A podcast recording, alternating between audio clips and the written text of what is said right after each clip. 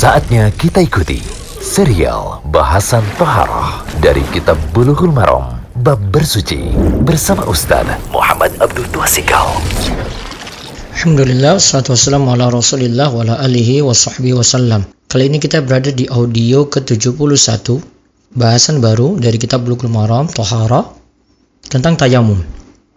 Kita masuk ke hadis ke-126 di audio ke-71 ini tentang syariat tayamum adalah di antara keistimewaan Nabi Muhammad dan umatnya adalah keistimewaan Nabi Muhammad SAW dan umatnya.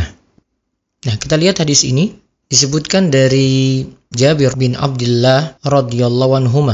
Nabi Shallallahu alaihi wasallam bersabda, "Utitu khumsan lam yu'tahunna ahadun qabli."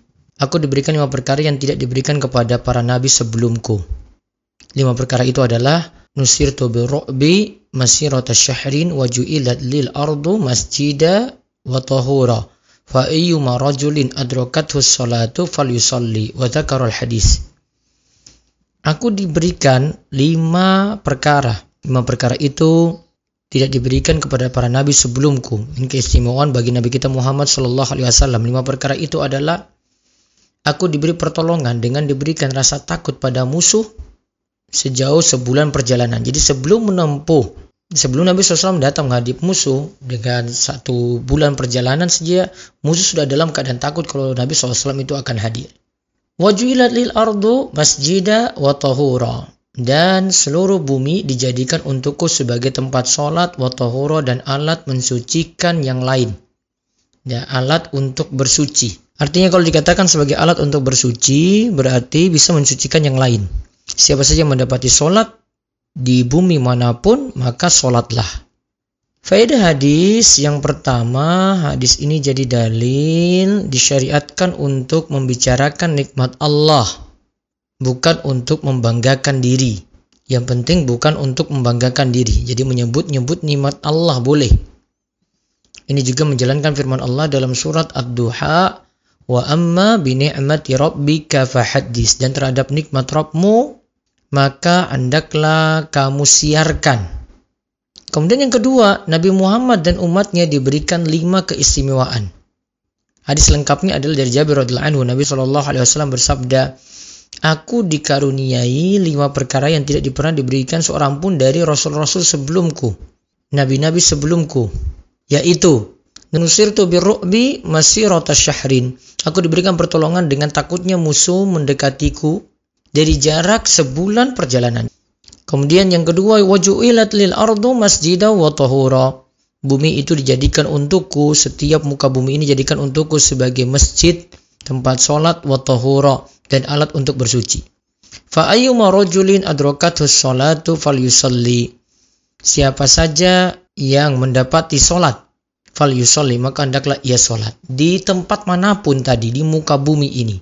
Yang ketiga, wa uhillat lil ghanaim. Dihalalkan harta rampasan perang bagiku. Walam tahila li ahadin qabli. Dan tidak dihalalkan kepada seorang nabi pun sebelumku. Tidak dihalalkan bagi seorang nabi pun sebelumku. Yang keempat wa utitu syafa'ah. Dan aku diberikan syafaat dengan izin Allah Kemudian terakhir wa kana nabiyyu yub'asu ila qaumi khassatan wa bu'isu linnasi amatan. Para nabi itu diutus hanya untuk kaumnya saja sedangkan aku diutus untuk seluruh manusia. Muttafaqun alaih hadis ini diriwayatkan oleh Imam Bukhari dan Muslim. Nah, hadis ini jadi dalil bolehnya tayamum dengan tanah apa pun asalkan suci. Bentuknya apa pun. Bahkan Nabi SAW pernah menggunakan tembok juga untuk tayamum asalkan ada debu di situ. Kemudian yang keempat, boleh sholat di tempat mana pun di muka bumi. Yang kelima, hendaklah menunaikan sholat pada waktunya dalam keadaan apa pun. Baik mendapati air ataukah tidak mendapati air. Jadi, kerjakan sholat pada waktunya. Yang keenam, jika mendapati air pada akhir waktu, afdolnya mengakhirkan sholat agar syarat bersuci dengan air bisa dipenuhi. Sedangkan sholat pada awal waktu sholat, itu hanya bertujuan menjaga sholat pada awal waktu saja. Jadi kalau dia yakin nanti jika punya sangkaan kuat akan mendapati air pada akhir waktu ya sudah dia tunda sholatnya. Namun dia bisa lakukan sholat di awal waktu dengan tujuan untuk eh, ya menjaga menjaga sholat di awal waktu saja. Yang ketujuh, jika menurut sangkaan kuat tidak mendapati air hingga akhir waktu sholat, maka mendahulukan sholat pada awal waktu itu lebih afdal. Semoga manfaat. Demikian serial bahasan Toharoh dari kitab Bulughul Maram Bab Bersuci bersama Ustaz Muhammad Abdul Twasikal.